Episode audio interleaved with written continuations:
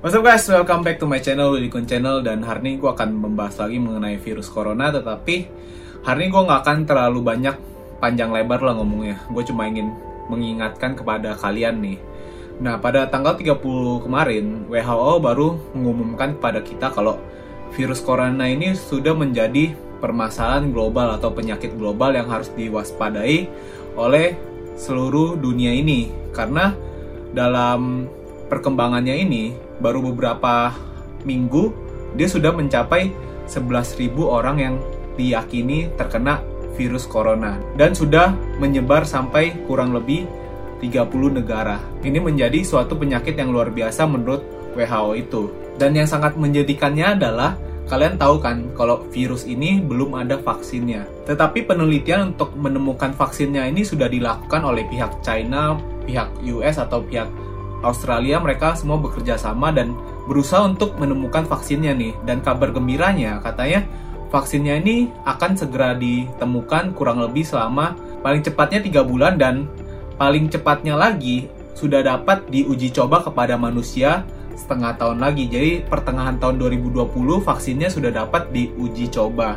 Dan kalau memang berhasil, kurang lebih 8 bulan lagi vaksinnya baru dapat ditemukan. Nah, sebenarnya hal ini merupakan hal gembira yang patut kita puji karena seperti perkembangannya vaksin-vaksin yang dulu pernah ditemukan untuk penyakit SARS atau MERS ini baru bisa ditemukan 20 bulan setelah penyakit ini menyebar.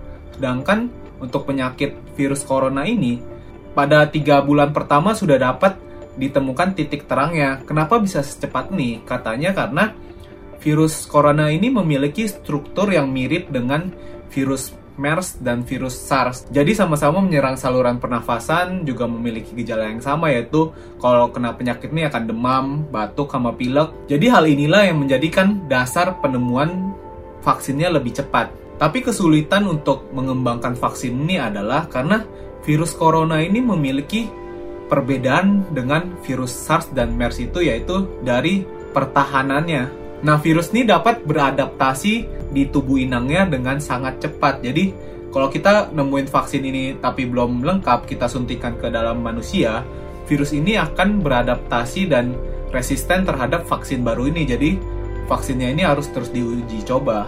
Nah, karena penemuan vaksin ini masih dalam perkembangan, jadi gue sempat searching-searching dan gue cari tahu kalau rupanya karena diketahui penyakit ini belum ada obatnya, penduduk dari Wuhan, kurang lebih 5 juta orang, lari dari Wuhan karena mereka takut terkena sakit virus corona ini.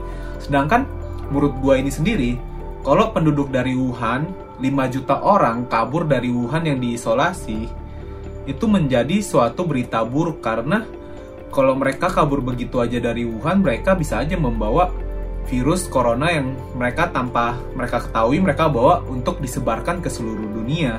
Nah sebenarnya kalau menurut gue sendiri dalam menghadapi virus corona ini seharusnya kita lebih tenang yaitu ya udah karena kita udah menghadapi virus corona ini kita harusnya udah tahu bagaimana tahap awal untuk melakukan pencegahan virus nih seperti kita harus cuci tangan, terus kita harus pakai masker kalau keluar. Dan memang kalau kita harus bertemu dengan orang yang memiliki kemungkinan terkena virus corona kita harus pakai kacamata, tutup masker sampai atas, dan pakai penutup kepala. Karena kata temen gue yang seperti kemarin udah gue interview, virus corona ini bisa menyerang dari tangan, kemudian dari mata juga, jadi bukan dari mulut aja.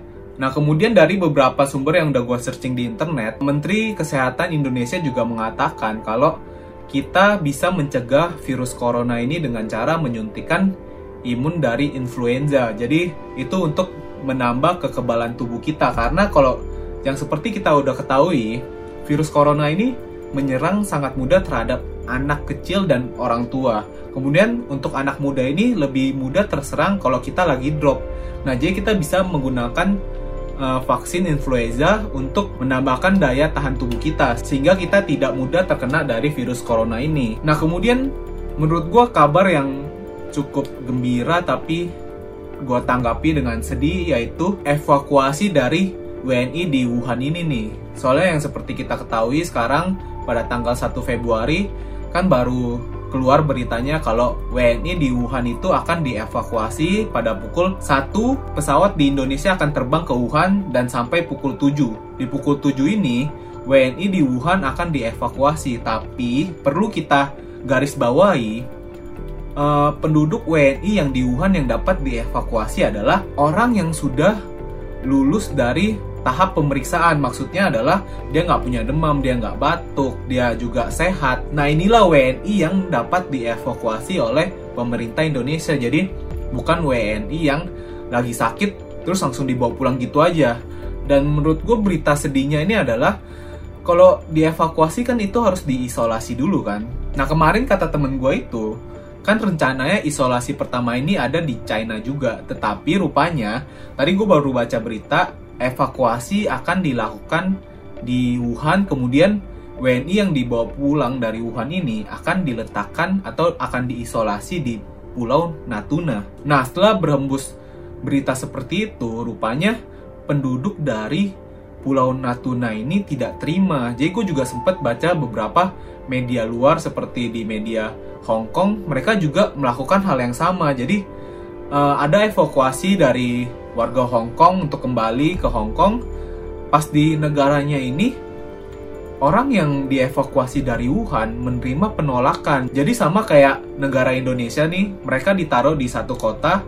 Nah, warga-warga kotanya ini sampai menutup jalan, terus melakukan demonstrasi, nggak memberikan kesempatan untuk melakukan isolasi di situ.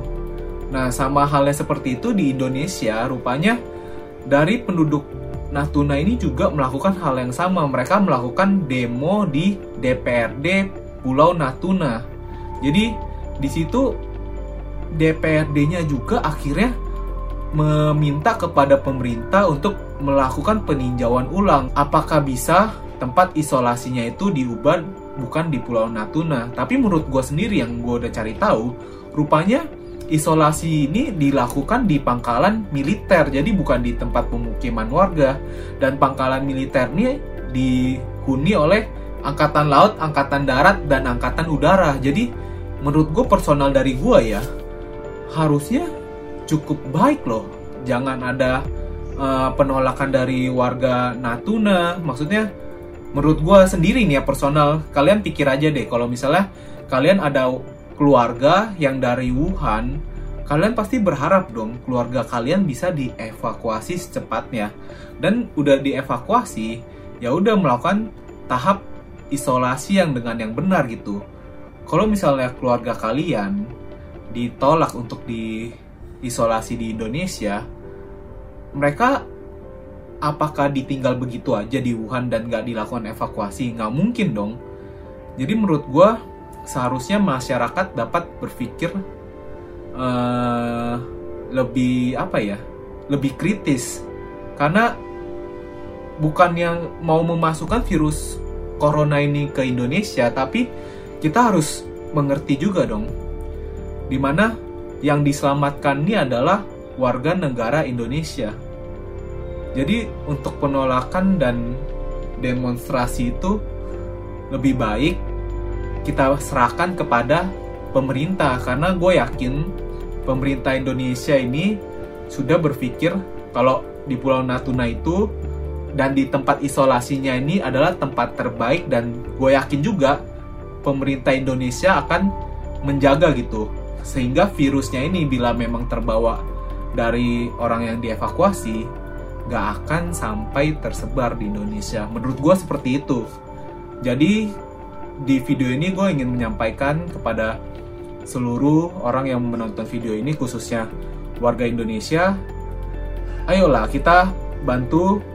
Maksudnya jangan kita kasih uh, tanggapan negatif tapi kita bantu warga Indonesia ini yang dari Wuhan agar dapat dievakuasi dan diisolasi secara yang benar maksudnya apa yang pantas mereka dapatkan jangan ada penolakan yang sehingga mereka nggak tahu mereka harus diisolasi di mana gitu. Karena bayangkan lagi bagaimana kalau yang dievakuasi itu adalah keluarga kalian.